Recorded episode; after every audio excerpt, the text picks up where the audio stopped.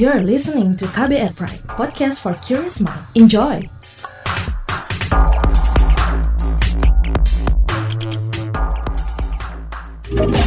Kamu lagi dengerin What's Trending KBR Pagi. KBR Pagi siaran pagi radio paling update. Selamat pagi, apa kabar Anda di hari Kamis 28 Mei 2020? Ketemu lagi dengan saya Don Brady di What's Trending KBR Pagi yang bakal ngobrolin satu hal yang lagi rame diperbincangkan, yang lagi trending topik, ya kan, yang lagi dibahas di mana-mana. Itu yang akan kita obrolin setiap paginya. By the way, saya masih siaran dari rumah loh ini. Nah, akhir-akhir ini ya kan banyak yang ngobrolin kalau perkantoran di Jakarta khususnya itu akan mulai kembali beraktivitas, akan kembali mulai masuk ya kan. Ini yang akan kita obrolin pagi ini bagaimana kenormalan baru bagi aktivitas perkantoran. Nah, jadi Kementerian Kesehatan Republik Indonesia itu sudah menerbitkan uh, keputusan Menteri Kesehatan tentang panduan pencegahan dan pengendalian COVID-19 di tempat kerja perkantoran dan industri dalam mendukung keberlangsungan usaha pada situasi pandemi. Jadi kalau uh, dari websitenya kemkes.go.id itu bilang panduan pencegahan penularan COVID-19 di antaranya seperti uh, pembentukan tim penanganan COVID-19 di tempat kerja yang terdiri dari pimpinan, bagian kepegawaian, bagian K3 dan petugas kesehatan yang diperkuat dengan surat keputusan dari pimpinan tempat kerja. Nah, selain itu, menentukan pekerja esensial yang perlu tetap bekerja atau datang ke tempat kerja dan pekerja yang dapat melakukan pekerjaan dari rumah.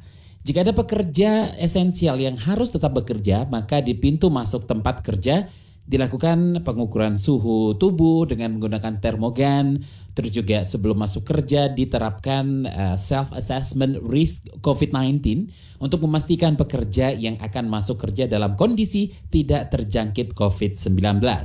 Kalau masalah pengaturan waktu, ya ini juga diusahakan tidak terlalu panjang ya, atau lembur yang akan mengakibatkan pekerja kekurangan waktu untuk beristirahat yang dapat menyebabkan penurunan sistem kekebalan atau imunitas tubuh, kemudian memfasilitasi tempat kerja yang aman dan sehat, dan menerapkan physical distancing dalam semua aktivitas kerja. Pengaturan jarak antar pekerja minimal 1 meter pada setiap aktivitas kerja dengan pengaturan meja kerja atau workstation, kursi uh, saat di kantin atau di pantry mungkin dan sebagainya dan sebagainya. Dan yang gak kalah penting adalah mengatur asupan nutrisi makanan yang diberikan oleh tempat kerja. Oke, seperti buah-buahan untuk membantu mempertahankan daya tahan tubuh dan kalau memungkinkan pekerja dapat diberikan suplemen vitamin C. Oke. Jadi ini yang akan kita obrolin pagi ini, bagaimana kenormalan baru bagi aktivitas perkantoran. Seperti biasa, sebelum kita lanjutkan, kita akan dengarkan seperti apa keriuhan netizen plus 62 di media sosial soal ini. Ini dia. Akun @airin underscore nz bilang Kemenkes RI menerbitkan protokol normal baru new normal bagi perkantoran dan industri dalam menghadapi pandemi virus corona yang diatur dalam keputusan Menteri Kesehatan. Mau nggak mau, suka nggak suka kita harus menjalankan. Ini demi kebaikan gue, elu dan kita semua. Akun @ayuningtias bilang sebelum ada SK pun saya tetap masuk kerja, tetap ikhtiar dan tawakal. Semoga kita semua selalu diberi kesehatan. Jangan lupa untuk selalu jaga kebersihan kebersihan, bismillah. Akun @m underscore Ismail 94 bilang, tiap sih karena kita nggak bisa selamanya sembunyi dari corona ini. Cuma kayaknya sih menurut gue it's too early. Kurva wabahnya belum landai. Biar udah dihimbau ikutin protokol kesehatan di tempat kerja, siapa yang jamin bakal patuh tanpa cacat? Ancaman gelombang kedua nyata. Sedangkan akun @fikri underscore Prianton bilang jika skenario terburuk terjadi, ada yang terjangkit akibat kebijakan ini, kemudian menulari sekitar, lalu sekitar yang tertular menulari keluarga di rumah dan tetangga sekitar. Lalu semua tertular, domino efek. Korban jatuh bergelimpangan itu beban moral siapa? Apakah perusahaan bersedia menanggung kerugian fisik, mental, dan jiwa para pekerja? Atau pemerintah mau menanggung kerugian tersebut? Akun Gading Rizky bilang jujur takut banget di KRL kalau lagi rush hour. Akun @live someday bilang sama kayak busway, batuk dikit panik cuy noleh semua. Nah, kalau akun tidak sabaran bilang, Pegawai harus siap, kantor tempat kerja juga harus siap dengan new normal, hehehe. Misalnya, memfasilitasi tempat kerja yang aman dan sehat, dan suplemen. Akun Ed Cendol Dawud bilang jujur belum siap. Lah itu yang pada belanja di mall kasirnya positif aja ketar-ketir. Gimana nanti kalau semua akses dibuka? Dan yang terakhir akun Ed Make You Mine XXXX bilang jujur bagiku yang jarak antar rumah sampai kantor jauh banget. Sudah nyaman work from home daripada harus menua di jalan dan balik lagi disekedesekan di transport umumnya. What's Trending KBR Pagi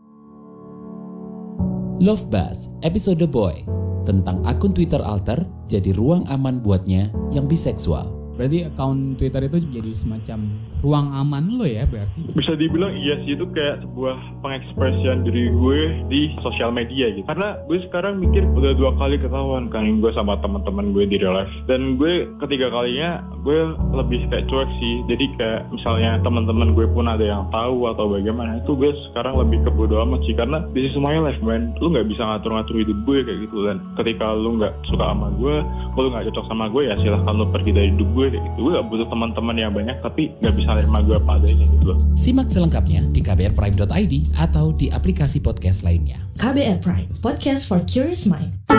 What's Trending KBR Pagi Masih di What's Trending KBR Pagi bersama saya Don Brady yang masih siaran dari rumah. Dan kita masih ngobrolin soal bagaimana kenormalan baru bagi aktivitas perkantoran. Nah, Menteri Koordinator Bidang Perekonomian Erlangga Hartarto mengatakan pemerintah telah menyiapkan berbagai protokol dan syarat pengoperasian kembali beberapa sektor industri dalam menjalankan new normal atau kenormalan baru di Indonesia. Menurut Erlangga, syarat yang harus dilakukan meliputi ketentuan jarak, kebersihan, hingga um, waktu operasi sesuai dengan panduan Kementerian Kesehatan yang telah diberlakukan. Ia mengatakan sektor industri yang akan pertama dibuka adalah perdagangan, pariwisata, dan transportasi. Kita simak pernyataannya berikut ini di sektor industri juga sudah ada edarannya terkait dengan kawasan industri, pekerja dan panduan social distancing dan industri memang menjadi uh, salah satu sektor yang dibuka sejak awal di dalam Permenkes. Kemudian yang akan juga dipersiapkan adalah di sektor pariwisata di mana mengatur nanti SOP mengenai hotel, restoran dan sebagainya dengan kapasitas yang dibatasi. Kemudian sektor perhubungan ini sudah dijalankan. Kemudian sektor perdagangan terkait pasar tradisional kemudian aturan untuk konsumen dan uh, waktu operasional. Nah, lantas bagaimana Asosiasi Pengusaha Indonesia menanggapi ini? Kita tanyakan kepada Ketua Kebijakan Publik Apindo Sutrisno Iwantono. Tanggapan Anda nih Pak atas panduan pencegahan dan pengendalian COVID-19 di tempat kerja dan industri dari Menteri Kesehatan seperti apa? Ya kan pemerintah sudah menjalankan itu ya, untuk kita ikutin aja lah. Nanti itu bisa apa namanya menggerakkan kembali ekonomi kita kan pada akhirnya kan kita harus hidup di dalam situasi yang bagaimanapun juga. Nah, ini kan kita dilema ya. Kalau ini sih di rumah sebaiknya ya, tapi kan kalau kita di rumah saja semua orang mungkin makan apa? Kalau nggak ada penghasilan dia di rumah nggak bisa makan itu juga menimbulkan persoalan yang berat juga. Tapi keluar rumah juga berbahaya karena ancaman dari virus itu. Jadi karena itu memang harus ada apa ya taruh ulur ya pandai-pandai lah kita mengatur diri dipimpin dengan uh, protokol COVID-19 tetapi juga roda ekonomi bisa jalan, ekonomi rumah tangga bisa jalan. Ini memang memerlukan pola baru dalam hidup kita. Nah, pemulihan aktivitas perkantoran dan industri ini akan bertahap atau seperti apa? Ya, kalau dugaan saya sih akan bertahap dan tarik ulur gitu ya. Dan kalau dilonggarkan, ada kalau diperketat, dilonggarkan, diperketat begitu. Selling time membeli waktu sampai akhirnya kita bisa menemukan vaksin atau obat terhadap penyakit ini. Ya, kalau untuk kembali seperti simulasi saya kira perlu waktu lah. Tapi yang penting itu kan kita jangan terus menerus terperosok ke dalam gitu. Kita hentikan terperosok itu, baru kita pelan-pelan naik lagi. Tapi kalau kembali seperti semula saya kira perlu waktu ya. Protokol kesehatan itu seperti apa? Diatur uh, shiftnya dan usianya dan bagaimana yang work from home? Kalau eh, ketentuannya kan seperti itu ya. Umur 45 tahun ke atas itu dilarang kerja malam. Itu ada ketentuan seperti itu. Karena memang yang yang berumur kan resikonya lebih tinggi dibandingkan muda-muda. Ya semaksimal mungkin kita ikuti lah itu kan aturan yang di mana kita harus memang harus ikutin. Kalau nggak kalau kita tidak ikutin nanti ya uh, malah amburadul. Ya masing-masing minta akan uh, respon itu sesuai dengan kondisi dari masing-masing perusahaan. Makanya itu tergantung dari uh, kondisi nanti ketika kita new normal ini dibuka, kan kita tidak tahu apa yang apa yang terjadi setelah itu kan. Kalau misalnya kita bisa beradaptasi dengan situasi itu, saya kira pelan-pelan ya yang WFH itu akan akan dikurangi, dikurangi menuju kepada normal.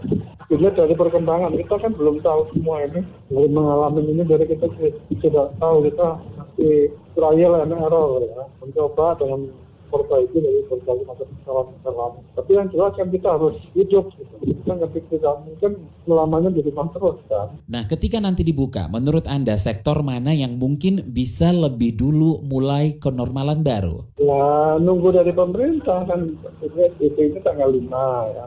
Mungkin setelah itu kita mulai secara bertahap ya. Untuk dimulai dari daerah-daerah yang relatif lebih aman ya. Zona merah kan belum bisa kita ya bagaimana?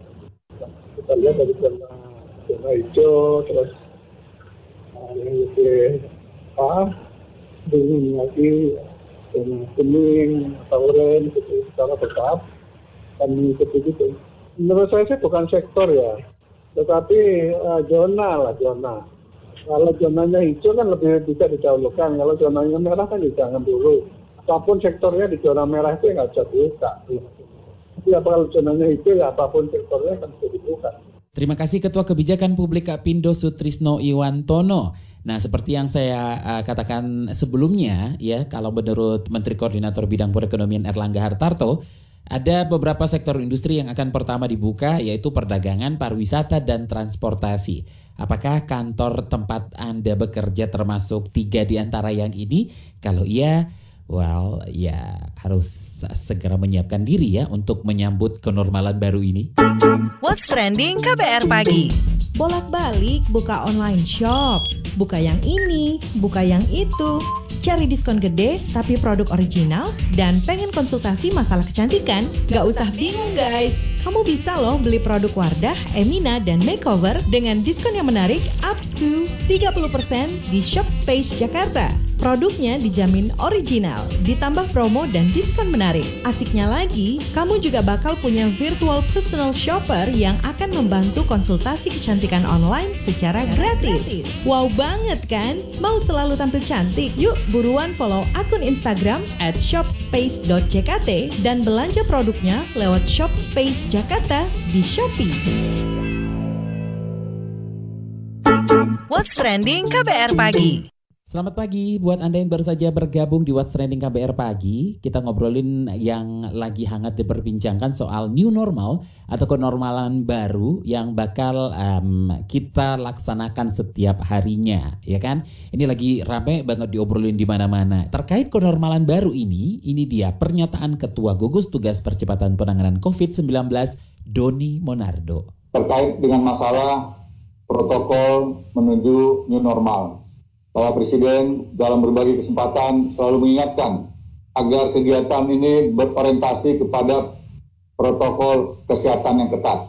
Masyarakat harus produktif, namun tetap aman dari COVID-19. Oleh karenanya, berbagai langkah dan upaya telah dilakukan dalam beberapa bulan terakhir, khususnya sejak tanggal 13 Maret ketika dimulainya kegiatan untuk uh, mengatasi COVID-19. Nah, bagaimana upaya untuk mempersiapkan kenormalan baru bagi aktivitas perkantoran dan industri dinilai oleh pengamat ketenaga kerjaan dari Universitas Erlangga, Hadi Suban. Kita tanyakan langsung, bagaimana Anda melihat Pak eh, panduan pencegahan dan pengendalian COVID-19 di tempat kerja perkantoran dan industri dari Menteri Kesehatan? Jadi saya melihat hal yang positif ya, ya uh, mengenai pelonggaran uh, kebijakan untuk perusahaan bisa beroperasi, buruh atau pekerja bisa bekerja, tetapi itu tadi uh, perusahaan maupun pemerintah itu harus harus konsisten menegakkan aturan mengenai protokol kesehatan tersebut. Kenapa saya bilang positif? Karena ditutup pun perusahaan pemerintah itu tidak bertanggung jawab baik terhadap perusahaan tersebut maupun terhadap pekerjanya.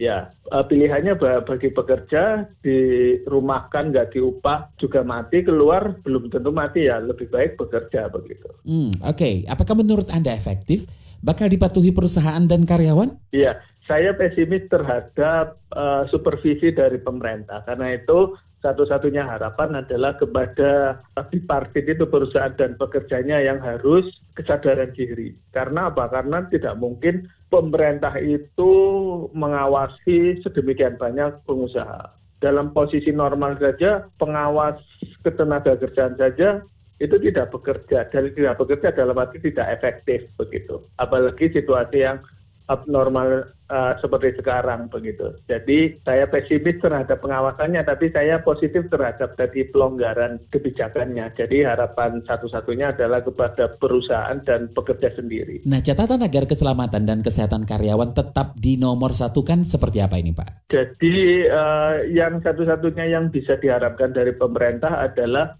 mengenai sosialisasinya saja begitu. Kalau pengawasan itu kita sudah pesimis ya. Itu satu dari harapan dari pemerintah adalah uh, sosialisasinya edukasi kepada perusahaan dan masyarakat ya tentu dengan banyak media uh, apalagi sekarang dengan media komunikasi yang uh, sangat efektif begitu. Kemudian catatan saya yang kedua uh, tadi harapan uh, saya terhadap perusahaan dan pekerja uh, pekerja juga harus jujur. Kalau misalnya sudah tahu dirinya positif ya uh, dengan sukarela memberitahu atau mengkarantina diri. Karena ada di uh, Surabaya perusahaan besar sekali ya yang karena ketidakjujuran satu orang kemudian satu pabrik uh, kena positif mayoritas kena positif semua dan bahkan ada yang uh, meninggal ya itu uh, catatan saya. Baik, terima kasih pengamat ketenaga kerjaan dari Universitas Erlangga Hadi Suban. Ini sih ya yang sebenarnya jadi pertanyaan kita semua, apakah ini efektif bakal dipatuhi perusahaan dan karyawan? well, kita nggak tahu ya, PSBB aja banyak yang melanggar. Gimana dong? What's Trending KBR Pagi Demikian KBR Pagi hari ini. Jika Anda tertinggal siaran ini, Anda bisa menyimaknya di podcast What's Trending yang ada di kbrprime.id atau di aplikasi podcast lainnya. Well, thank you for listening. Siap-siap penyambut kenormalan baru, ya kan? Um, aktivitas yang telah dilakukan kurang lebih dua bulan ini di rumah saja harus segera kita menyesuaikan lagi dengan sesuatu yang baru bukan kembali ke seperti yang dulu ya. Oke, okay, saya Don Brady pamit undur diri, besok ketemu lagi dan sepertinya masih siaran dari rumah. I gotta go, stay safe, bye-bye. Terima kasih ya sudah dengerin What's Trending KBR Pagi. KBR Prime, cara asik mendengar berita. KBR Prime, podcast for curious mind.